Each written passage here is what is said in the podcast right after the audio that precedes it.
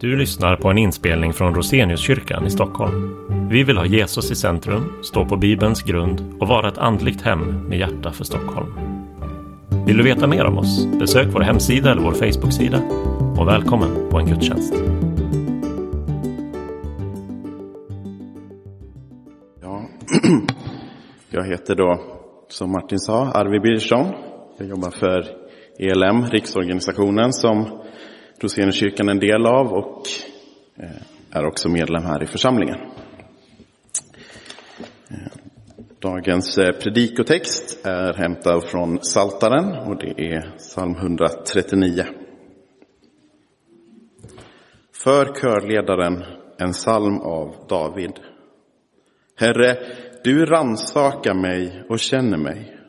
Om jag sitter eller står vet du det. Du förstår mina tankar fjärran ifrån. Om jag går eller ligger ser du det. Med alla mina vägar är du förtrogen. Innan ordet är på min tunga vet du, Herre, allt om det. Du omsluter mig på alla sidor och håller mig i din hand. Den kunskapen är för underbar för mig. Den är så hög att jag inte kan fatta den. Vart kan jag gå för din ande? Vart kan jag fly för ditt ansikte? Stiger jag upp till himmelen, är du där? Bäddar jag åt mig i dödsriket, är du där? Tar jag morgonrodnadens vingar, gör jag mig en boning ytterst i havet, ska också där din hand leda mig och din högra hand hålla mig.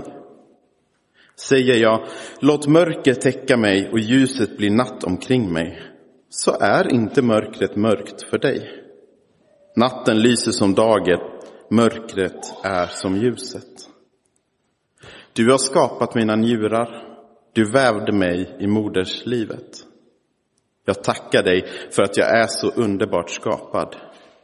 Underbara är dina verk, min själ vet det så väl. Benen i min kropp var inte osynliga för dig när jag formades i det fördolda när jag bildades i jordens djup. Dina ögon såg mig när jag bara var ett foster. Alla mina dagar blev skrivna i din bok, formade innan någon av dem hade kommit. Hur ofattbara är inte dina tankar för mig, Gud? Hur väldig är inte deras mångfald? Räknar jag dem är det fler än sandkornen. När jag vaknar är jag kvar hos dig. Gud, om du bara ville döda det gudlösa. Bort från mig, ni blodtörstiga. Det talar om dig med svek i sinnet. Det har fört dina städer i fördärvet. Skulle jag inte hata dem som hatar dig, Herre, och avsky dem som gör uppror mot dig? Jag hatar dem med starkaste hat. Mina fiender har det blivit. Ransaka mig, Gud, och känn mitt hjärta. Pröva mig och känn mina tankar. Se om jag är på en olycksväg och led mig på den eviga vägen. Så lyder Herrens ord. Gud, vi tackar dig. Gud, tack för att vi har ditt ord. Ber att du ska tala genom den till oss alla här idag. Amen.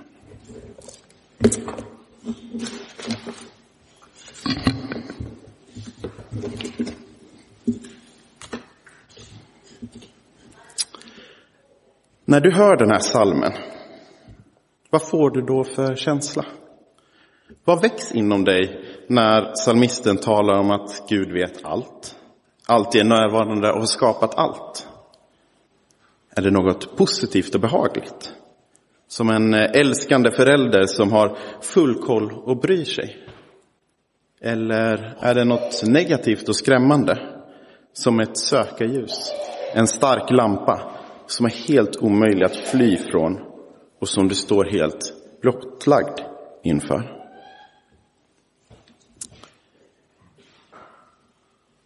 Den största och första delen av salmen kan delas upp i tre delar. Guds allvetande, Guds allestädes närvaro och Guds allmakt. Guds allvetande. Gud vet allt. Han vet om du ligger, om du går eller sitter. Om du dagdrömmer eller lyssnar intensivt på predikan. Om det kommer snöa imorgon, vem, vad som kommer vara på rea under Black Friday och hur många hårstrån som finns på just ditt huvud. Han vet till och med precis vad du tänkte igår, vad du tänker just nu och vad du tänker på imorgon. Han har fullständig koll. Det är inte en helt bekväm vetskap. Att han vet och ser alla gånger du och jag gör något fel. Varje gång du säger ett hårt ord till din kompis eller drar en liten lögn för att slippa undan en jobbig situation. Det är absolut jobbigt. Men tekniskt sett skulle ju faktiskt en människa, om den följde med dig hela tiden, kunna veta allt detta. Men Gud ser ju också dina mörkaste tankar. Allt det du tänker som ingen annan vet.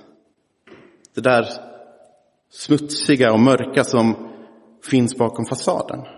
Som du knappt vågar erkänna för dig själv, än mindre för din närmaste vän.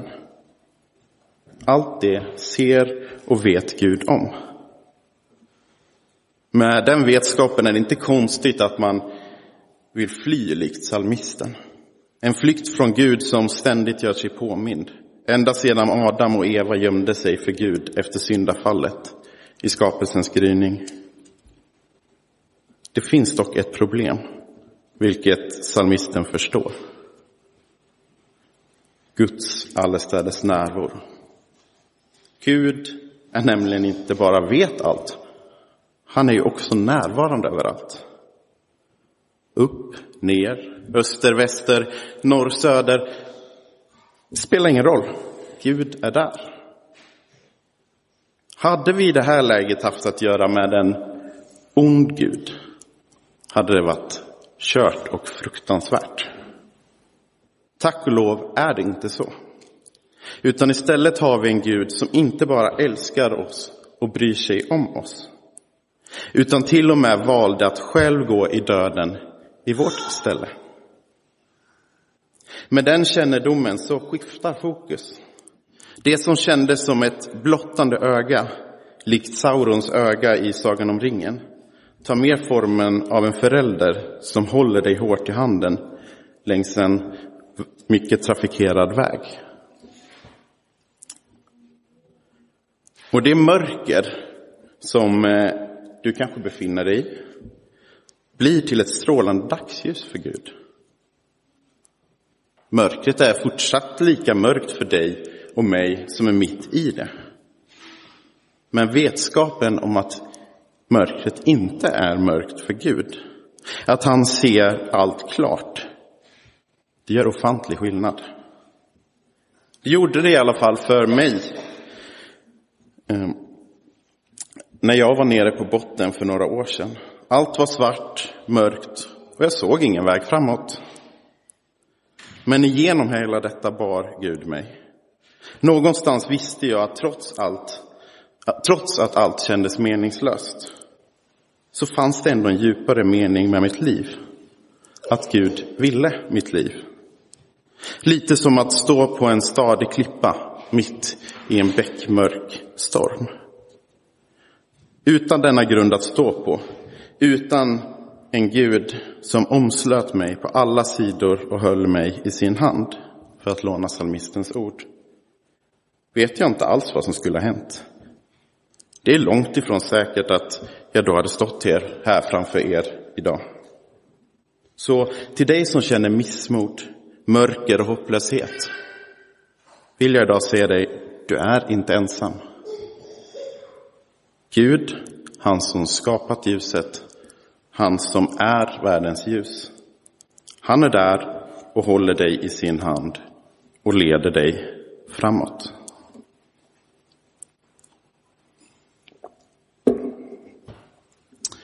Men inte bara här i livets ljusa och mörka stunder är Gud med. Salmisten ger oss en föraning om det som blir helt tydligt i Jesu död och uppståndelse. Nämligen att inte ens i döden så släpper Gud taget om oss. Utan han har gått före och berett en väg igenom döden in i evigheten. I den sista delen av beskrivningen av Guds storhet skildrar psalmisten hur underbart Gud skapat var och en av oss. Han såg dig långt innan din mamma visste att hon var gravid. Inte nog med det, Gud visste redan då hur hela ditt liv skulle bli. Han vet allt, från befruktningsögonblicket ända in i döden. Försöker man ta in det, försöker man greppa detta, inser man snabbt likt psalmisten att det går inte.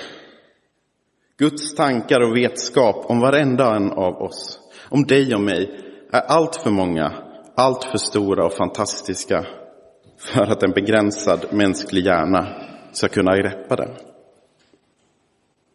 Så för att sammanfatta den första delen så har Gud full koll på dåtiden, nutiden och framtiden. Han ser allt och han är överallt. Det kan till en viss del vara skrämmande, men i och med att Gud älskar oss är det också en stor trygghet. Kom med allt till Gud. I många sammanhang när denna psalm läses, vilket också egentligen är fallet denna söndag om man ska följa evangelieboken, så stannar man här efter vers 18. Det är såklart gott och rätt att påminnas om Guds allvetande, att han alltid är närvarande och om hans allmakt. Men hoppar man slutet så tappar man en viktig dimension och kanske till och med orsaken till att salmen en gång skrevs. Gud, om du bara ville döda det gudlösa, bort från mig, ni blodtörstiga. Det talar om dig med svek i sinnet, du har fört dina städer i fördärvet. Skulle jag inte hata dem som hatar dig, Herre, och avsky dem som gör uppror mot dig? Jag hatar dem med starkaste hat. Mina fiender har det blivit. Här är tongången en helt annan. Och fokus skiftar från att berätta om Gud till att psalmisten lägger fram vad som ligger på hans hjärta. Han ser all den ondska som finns runt omkring. Han ser det som hånar, hatar och vill förgöra Gud, hans verk och hans folk. Känner du igen dig i det? Förvisso kan jag exempelvis känna starka känslor för kriget mellan Gaza och Israel. Eller gängvåldet här i vår egen stad. Men hat? Nej, ska jag vara helt ärlig tycker jag det är lite väl hårda ord. Saltan är dock full av liknande böner. Och många gånger i de så kallade hämndsalmer är det mycket värre än i den här salmen. Hur ska vi förstå detta? Det finns framförallt tre poänger att ta med sig. För det första så handlar det inte om psalmistens egna fiender. När det gäller våra egna fiender, de som förföljer och jagar oss, har vi fått en tydlig uppmaning från Jesus. Vi ska älska våra fiender och be för dem som förföljer oss. Men det betyder inte att vi ska godkänna det onda och se mellan fingrarna på dem som sätter sig upp mot Gud. Det finns en helig vrede mot det onda som är god. Ondskan måste få sitt straff. Men, och här kommer den andra poängen, domen är Guds. Det är tydligt att psalmisten lämnar över domen till Gud. I dagens evangelietext och än mer i texterna på domsöndagen nästa söndag är det tydligt att ondskan en dag kommer att få ett slut genom Guds dom. Men det är inte vi som har den rätten, utan endast Gud har rätten att döma mellan levande och döda. För det tredje, allt är välkommet och bör läggas fram inför Gud. Gud vet redan innan psalmisten säger det att psalmisten känner hat. På samma sätt vet Gud redan hur du känner inför olika saker. Men kommer det ändå? Att vara ärlig med hur man känner inför saker är oerhört viktigt. Inte minst inför Gud. Han blir inte förvånad eller uppgiven. Han vet ju redan vad du kommer att lägga fram. Han lyssnar och sedan leder han. Men om du inte först lyfter upp dessa tankar och känslor inför honom så blir det svårt för dig att släppa taget om dem. Så är du arg och till och med hatar något eller någon, eller ledsen, sårad och besviken, eller kanske är du glad och upprymd, eller cynisk och helt apatisk. Oavsett, lägg fram det uppriktigt och ärligt inför Gud.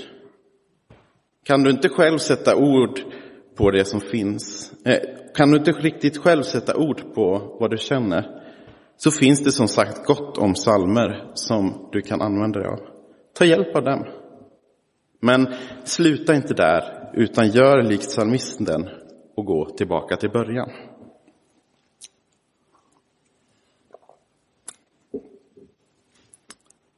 Ransaka mig, Gud, och känn mitt hjärta. Pröva mig och känn mina tankar.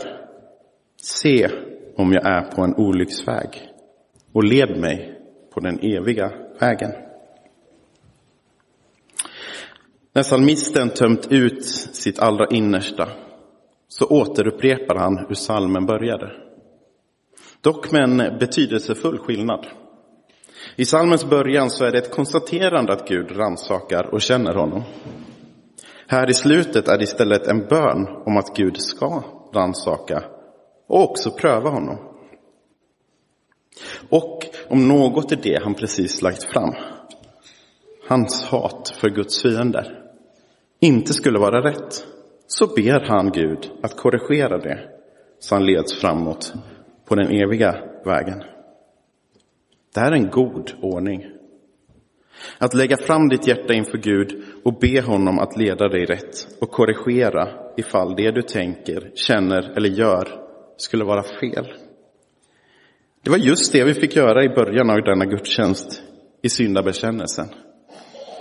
Och just det får vi också göra varje dag. Lägga fram allt som blivit fel och sedan be Gud att leda oss rätt. Och vi kan ännu mer än psalmisten veta att Gud leder oss på den eviga vägen. Och verkligen gör allt för att leda oss på den. Gud såg nämligen att alla människor, både du, jag och psalmisten, gick på en väg som ledde till fördärvet.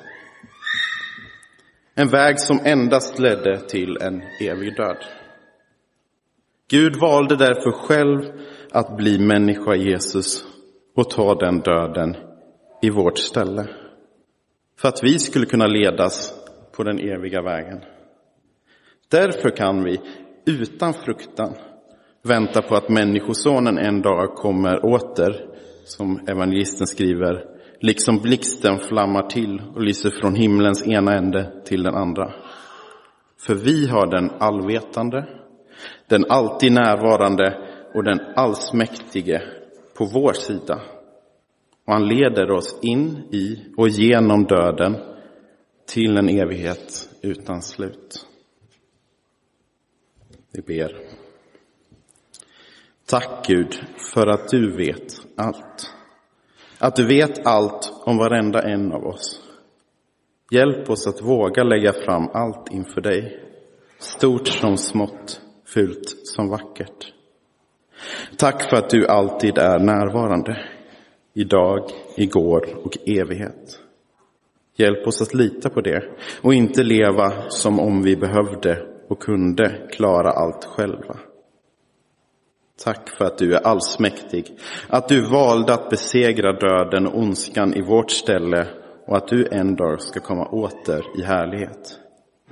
Hjälp oss att i väntan på den dagen sprida det glada budskapet till fler. Ära vare Fadern och Sonen och den helige Ande, så som det var av begynnelsen, nu är och skall vara,